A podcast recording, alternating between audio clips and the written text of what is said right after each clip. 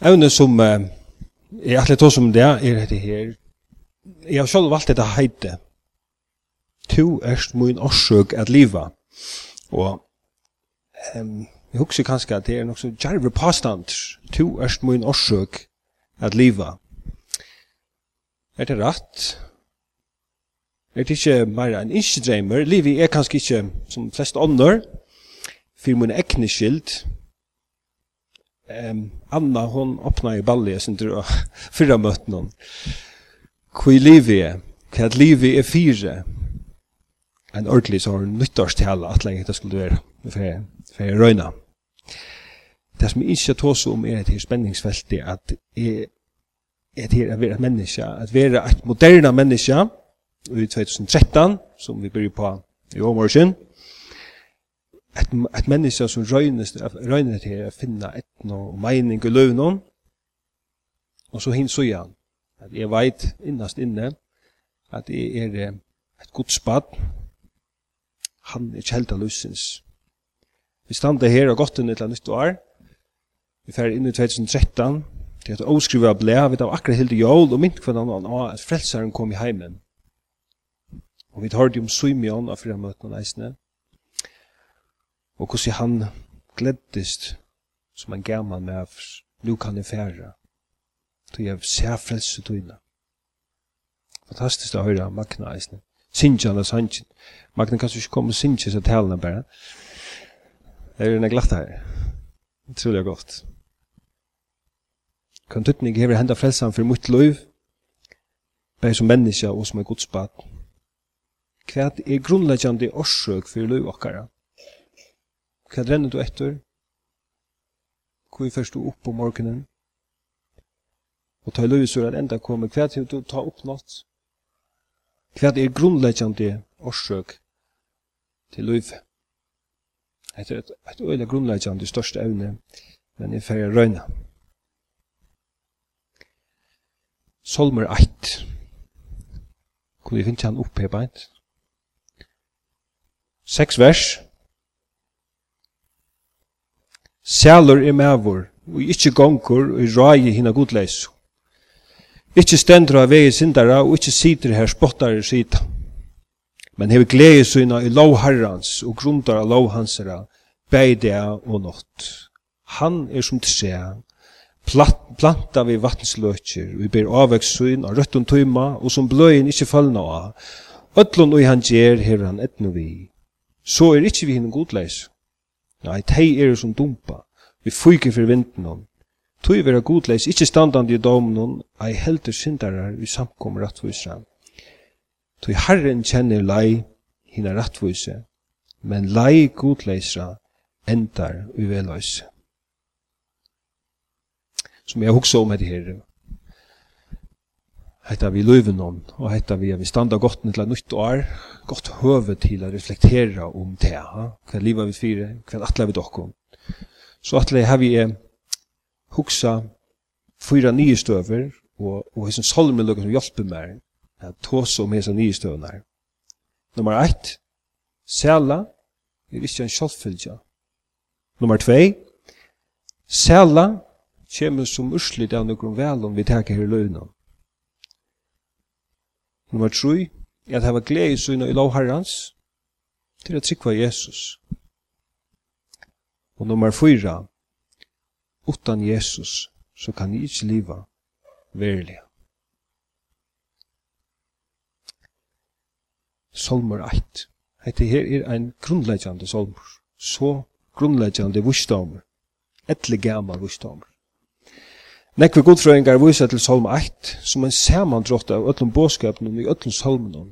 Ja, som er sier enda at dette er et postur til allan den bibiska båskap. Salmen tåsar om hetta at vi er sælur. Og så vannet menneska, og er i eit vannet menneska. Du er jo øyelig opptidgen av min egna etnesem. Jeg vil ha det godt, jeg vil kjenne meg virdan, etterspurdan, tuttningar miklan. Jeg vil slippe gjerra til det som jeg har hod til. Og jeg er eisen opptidgen av livsens meining. Jeg, jeg vil være parst av større held. Jeg vil gjerne føle meg velkomna når manna attene. Og som held så er jeg rettelig engasjera i livsens meining og at livet er et meningsfullt og djevande liv. Og det burde gjørst meg etne saman, ha? Men hva er det så, så svika litt? Hva er det så færande? Hva er det så svinkande? Hvor Hvor er det så ringt å halda fast i etne semenon? Salmeren sier at sæla er møvelig. Sælur er mævr. Så det første vi tar er sæla er møvelig, ja? Men hvor er det så trobult av etne semen? Hvor er det ikke en kjallfylgja? Det er sjål at nek svær på det her. Kanskje det lukkar nek svær som det er mennesker. Men uh, det er sikkert ikke borster av mennesker i det moderne mennesker strujas kanskje som omgående fyrr vi akkurat hettar manglande etnisem. Vi så utsjudan nek folk som brukar nek orskju på at hugsa vi det er öll herbeint i det. Det er så det er så løye at sjålt om vi hava finnje som nekkar hentleikar, livekårene, livekårene tja vanlige mennesker i öllfyrne Vesterheimene, er batna som nekk til syste årene. Men er vi gledere? Fleste, jeg halte fleste folk er nok så samt og i at vi er ikke gledere enn folk var fyrr. Kanskje heldig tvørst som mot. Kanskje er, er dette vi hentleikon og betre livekår kanskje proporsjonelt gjørst okkur meira og etten sånn. Jeg kjenner eisen tingene av hessum manglande etnisemnen. Jeg har finnst nek god råd som har gjort, Men så kommer døkka kjenslan at Og som det var nekv i 2012, som kunne være i Ørvus. Hvordan vil det være i 2013? Til subbun så tar seg negative kjenslene i iverhånd. Pura stand, det gjør sjuk. Det blir tunglent. Men ånder, det blir som bare liva og jøsen her, ja? akseptera et her. Det er ivel liva og etnesamt. Så det er negativa, det fyllelsen jeg i heimen med det. Og vi kan ikke sammen feisa det. Det er øyla nek negativt. Jeg les um, uh, at her The World Watch Institute. Da er jo akvarien åre en av fragreng ut som eitir The State of the World. Vi inngengs noen i år, så stand det hese år, sitat. I 1992 sauna hos heimsins leirar i Rio til fund om borardiga menning av heimnum. Ein ambitiøs atlan. Meiningen var at sitja et heimsomfattande økonomisk system som stola i punter, falkahelse og naturvernd. 20 år er fær. Nu skriver vi, 20, uh, nu skriver vi 2012. Ein rø av internationalen fundun om borardikter i Hildner, men faktum er at mannaattin hefur omgandu verið nærri en en økologiskum kollapse ein tsiginger av menneskjum i heiminum lever fatakradømme og falkatal i heiminum fra vekse ved en heilar milliard innan 40 år sitat enda Hetta er ikki testbildi lesna av. Um vit hava nekva góðar atlanir, so vestnar støva. Det sier ekspertene. Vi kjenner alt det her tås om futskjerkreppene. En halv trus millioner folk i Amerika opplever nu til at hungra som parst etter det daglig deg. Eisen i fargen kjenner dette her. En 500 familier finner stål fra en mennesken går touch. Nekv negativt. Det er ikke løy at, at nekv mennesker er oetnesom, Og jeg som gjøtte meg som, som tryggvande, jeg føler eisen i disse tingene av byren i jeg som fallna heime. er områdende jeg vet ikke kvast at han verlegg en borster og bare så er snar skøyta åman og ødlom tog. Løyve er trupult, og det er viktig at vi tagga det inn. Men trupulagen vi og etn seme, han stinker enn og gypre for de som velger at livet utan god tui at at sæt tui at det er sånn ek negativt i heimen der, så er godløse størst. Vanlige mennesker, de sier enten ingen god er til, eller sier de, om god er til, så ber det ikke til at kjenne han. Vi ba om før hun er til at velge at livet et godløst liv. Altså, enten halda de god er ikke til, eller om han er til, så blir det ikke til å kjenne han, altså at det har et personlig samfunn vi han. Begge tingene er at livet utan god, til godleise. Og det er, det er ultimativt et liv utan årsøk, og ikke hakker svær til mennesker og han, og avbjørnsen vil større, strongten vil større, til så vil tingten heter her, at konstruera meningsna vi løven sjolv, Og ursliti er sjåan jettar, er fleste folk, som Anna mala i fyra okkon, de jakstra etnoseme. De renna at han ato, ja. De, røyna, de renna frileis rundt, og renna finna meiningsna vi løvnum, hesum løvnum, einasta løvnum. De hette det einasta vi hava. De små meiningarna, eit fyrir og anna etter, er det einasta som vi kunne, ja. Så hetta var det fyrsta punktet. Sjala, det er ikke en Vi skal röna blod, lyssna bara positiv, ja. Alltså jeg ber bara jag bara ritar man läsa tälna som Arne Arne for gang, då hun sier til helt ordet mer. Skal Gröna, nå kom det opp at ur sånn her, ja. Men sæla er ikke en självfylja. Så nu nu läser Salomon en av de första första versen här bant och och röna rakna vi attor. Sælur ta med var ikkje gongri røy hina godleis, ikkje stendra vei sindar og ikkje sidra her spottar sida. Tui betur stendur at sæla etnoseme er møvelit. Og legg som mest til at vevren til etnoseme verir her i solmnon, lustur, vi trimon negativo. Ikkje, ikkje, ikkje. Gongur, situr, na gongur, stendur, situr. Ikkje, ikkje, ikkje. Tutningen av hesson er øyla djup. Hette nega vi okkara intellekt a gjerra, ikkje gongur i røye hina godleso, vi øren åren, ansa etter hver du søkst er vursdom. Hette nega gjerra vi okkara etbor, at standa og vei sindara, vi øren åren, ansa etter tunne gjerron, og hette nega a gjerra vi hver vi høyra til, ikkje sita her som spottar sita, vi øren åren, ansa etter hver du høyr til, altså etter hver du eier til. At vi er sæler, til en kjensla. Men vi vet at kjensler er ekla svingande, og her i Salmi 8, skriva for oss som 3000 år siden, så får vi grunnleggjande vursdom. Okkar etne sem i hongur saman vi okkar tankon, okkar gjeron, okkar omkorvon. Det kunne akkurat saman vi tidsi ur en nøymotans psykologibåka, etter 3000 år gammal visdomer. Margaret Thatcher, jeg sa en film med Margaret Thatcher i fyrir, jeg ble så hotis når jeg ser kvinnene, hun sier nekka det samme, hun er sånn skrøppma damma, hun er kjent fyrir at jeg kan hakker på i tankar enn på i kjensler. Så hun sier, hans etter tunn tankon, til tankar gjøsle år, hans etter tunn åron, til tunn i år blei til gjerer, Hans etter tunn gjeron, til tunn er gjerer blua til vennar. Hans etter tunn vennum til det her blua tunn karakterer.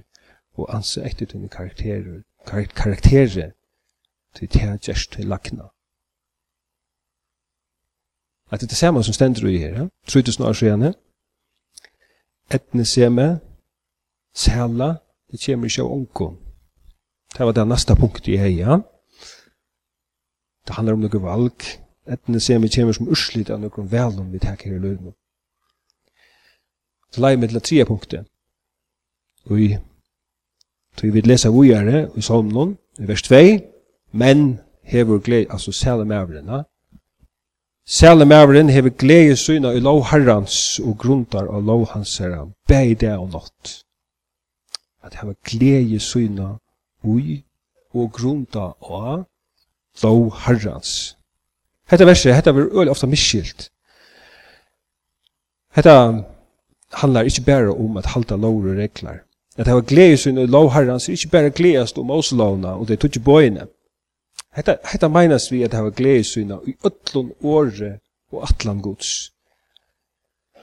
At hitja at en fallen heime, ja, sjolver er vera parstrøy en fallen heime, men at hava glede sin i gods svære og på at menneskeslige. Vi kan lata noen, som vi får høre meira til 2013, heldigvis, her sier Paulus så ekvelig greit. Han greier så øyelig vel fra i sånne her sambanden i middelen, i middelen lov og evangelium.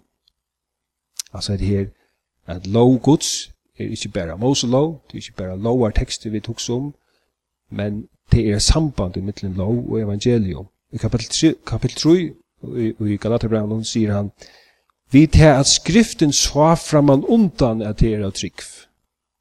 God rettvisjer heitningar, så kunngjørte hon framan undan Abraham til evangelium, og i tær skulle öll folkasløvra sikna.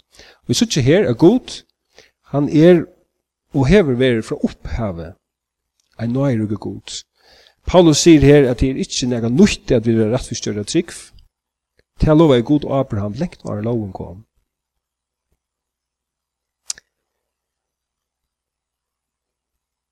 Hette lov herrens. Sannleikjen om ein nøyrugan god, som vi Moselovene vuste mann atne, at det er omøvelt å struja seg fram til rattvis. God som sendte sin egna sånne kjeip okon leis. God som sjolver gjøres menneska og gav sitt egna liv. Så har jeg sagt det. Hatt det her. Og beina vi har sagt det, så høyre jeg motmælene. Jeg høyre motmælene, fyrir meg. Sagt verur at ongen kan koma her og sia at han eller hon hever sannleikan. At gjerra krev på sannleikan til argant. Kanska mest av ötlun er at her at innskje tja mer at hava makt i menneskjon. Om jeg sier, jeg kjenner god, eller jeg kjenner sannleikan, så opplever jeg bare veien at jeg vil motmalt, jeg vil mistanke for jeg gjør meg enn en, en andre mennesker, Ta vanliga fætan er at det er gjøre krav på sannleikan er parstra av en maktspel.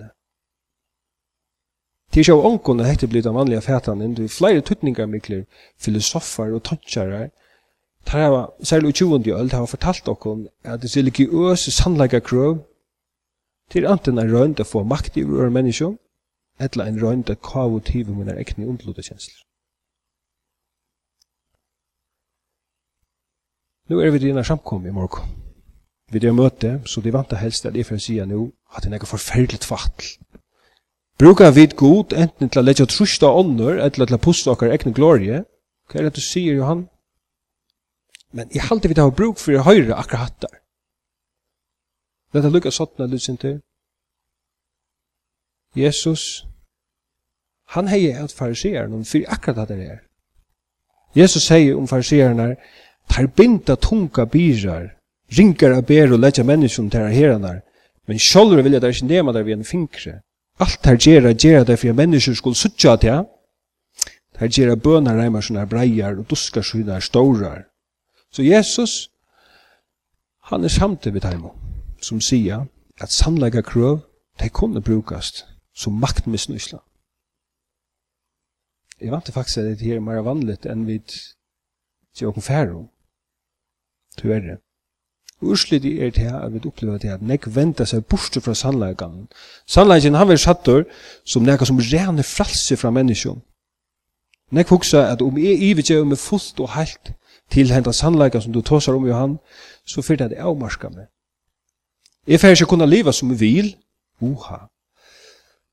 Og til jeg fyrir at gjerra meg enn meira og etne saman enn jeg er nu. Kjenner du disse kjenslene?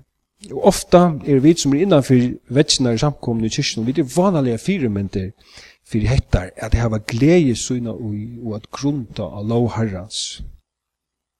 Vi eier spyrja oss sjálve, hvordan kunne vi boa evangeliet og en vikommande hot, utan at det var parstja av maktspillet, at er betre enn ånder. Men sannleggen er her.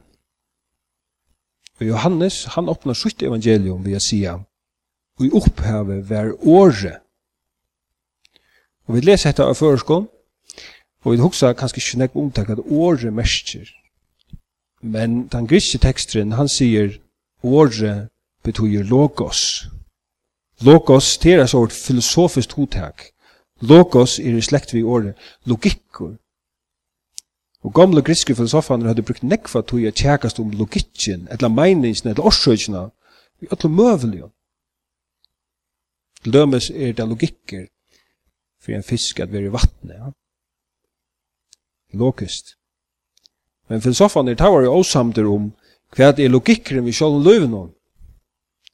Og langt om det tøyene tar Jesus på føtter, så var det flere som hadde oppgivet til tjekk. Vi må slåken til tals vi at vi mennesker, vi kunne ikke finne årsøkene til løyve. Vi kunne ikke finne logikken vi ved løyve. Og tøy var den bomba som Johannes slepte ned og i taveren til hoksnarhotten. Og i opphavet var året. I vers 14 sier han, året var holdt og tog bostad i middelen okkom, fotler av nøye og sannleik og vids hoved ord han sier. Johannes sier i verleggen at sjål årsøkjen til løyve er funnet. För filosofen är det dorskap. Men Johannes han säger mer än det. Han säger att orsaken till liv är en person. Det är inte ett abstrakt hotag, ett, ett religiöst system vid lovbon och reglum. För farserna är detta dorskap. Orsaken til duivir en personer, hette en kolveltande båskaper, hette Guds svær og på atlanta menneskesliga tropleikan. Og Jesus sier, jeg er veveren, sannleikken og løyfe.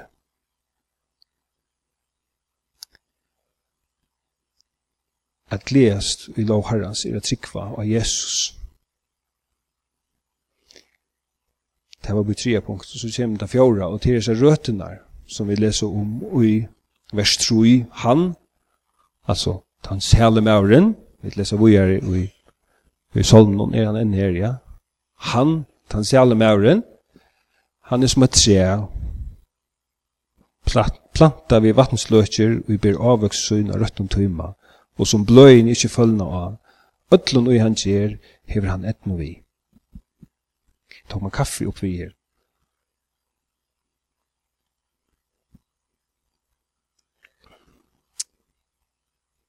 Som et trea. Ah, nå kom forklaringen.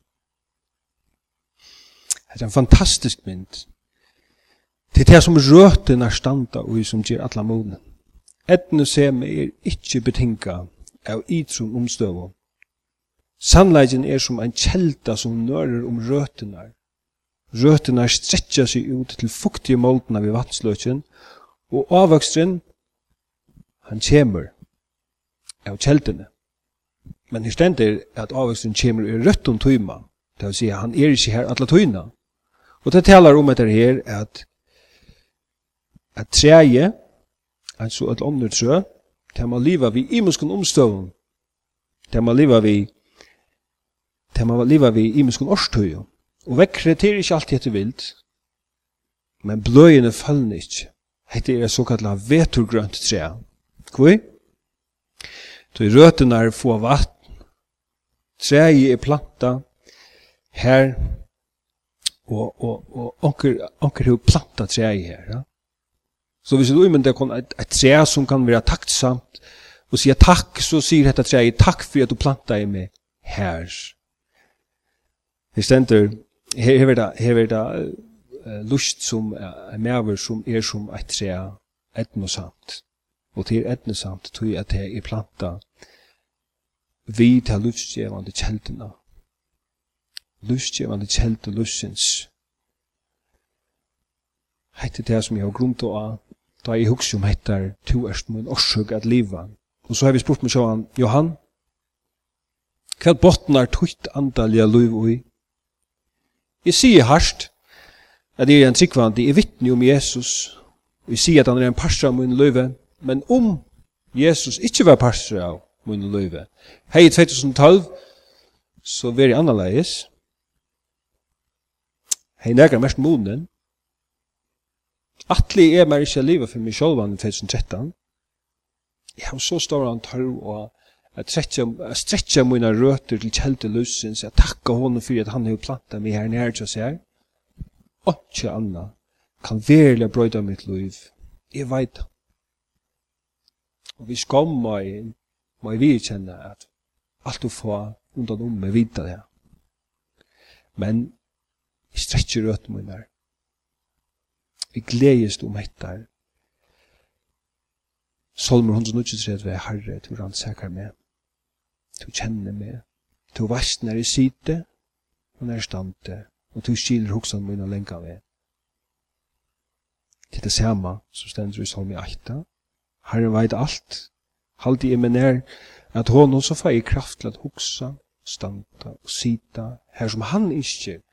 Han gjøver mer kraft at livet etter hans her ekna hjärsta. Og vi stretcher røtene ut, og gledest om i seg årene, som stand i Galaterbraunen.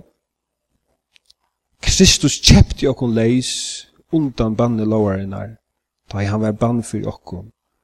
Og løyve som er nu livet i holdt noen, livet er sunni av sångods, som elskar jeg meg og gav seg sjolvan fyrir meg. Skilja vi dette? Skilja vi at Jesus, vi er djeva sitt ekna løyv, sier så tydelig som han på nekra måte kan gjøre at han elskar ok. Sånne Guds elskar meg. God elskar meg. Lov herrans er så grunnleggjande og enkel, og allukavall er det så vittfevnande og detaljera heite versta grunda av det og nått. Jesus brøytte alt.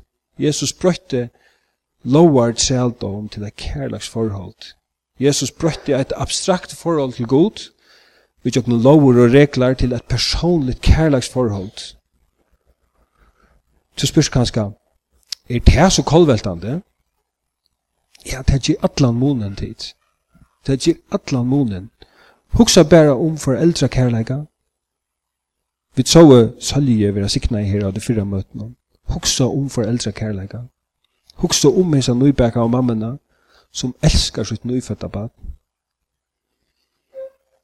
Begge foreldrene offra nekv av sin egna fralse ved henda luttla dørgripen, og vi sutja det at kærlagsforhold er det sterskaste forholdet som vi kjenner med mellom mennesker. Vi kjenner ikke sterskare enn det.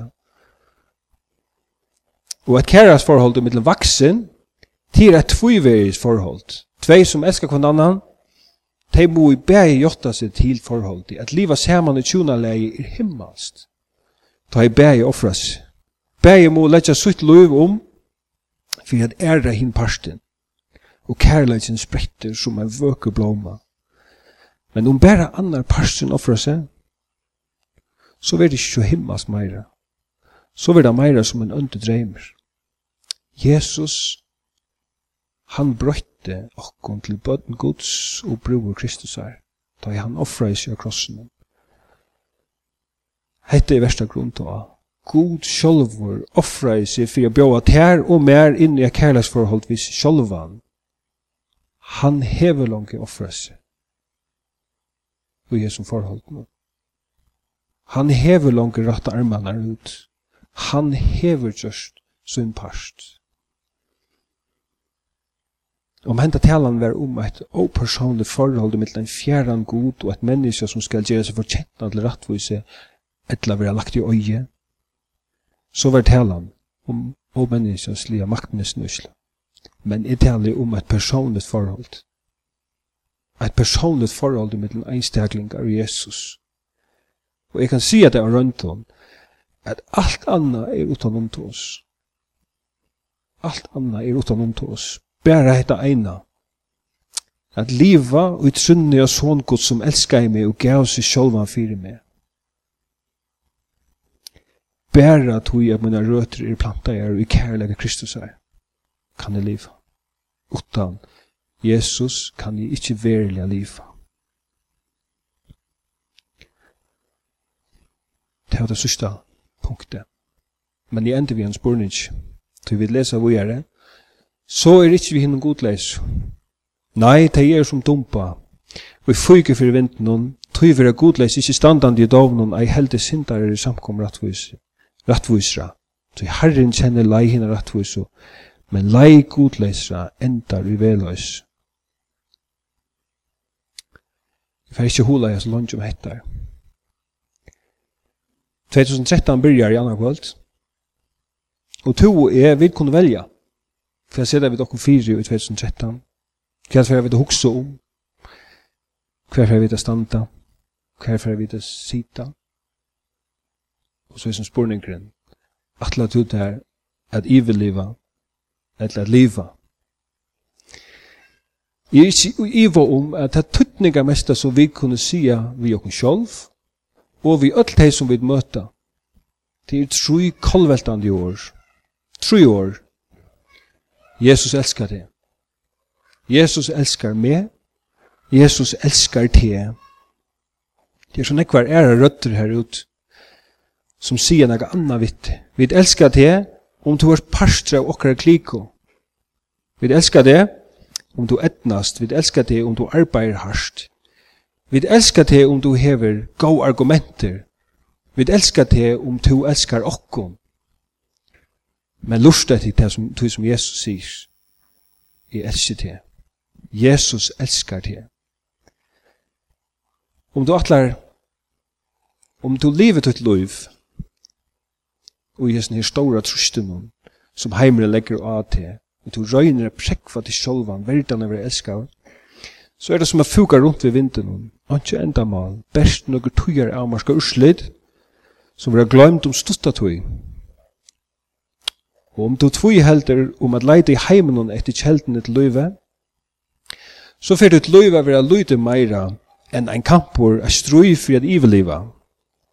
Til heimeren, vi ötlun sunnum strategion og sunnum atlanun, han kan hjelpa dere at iveliva nok så lunch. Men heimeren kan ikkje hjelpa dere at liva, til heimeren er ikkje kjeltan til sitt egna løyve tog hans heldur til tutt liv, fer til kjeldina. Vil du iverliva hetta løyve, eller vil du liva i avs? Om du ikke annet fikk bursur seg til henne, så vågner jeg at du fikk til Jesus elskar til. Amen.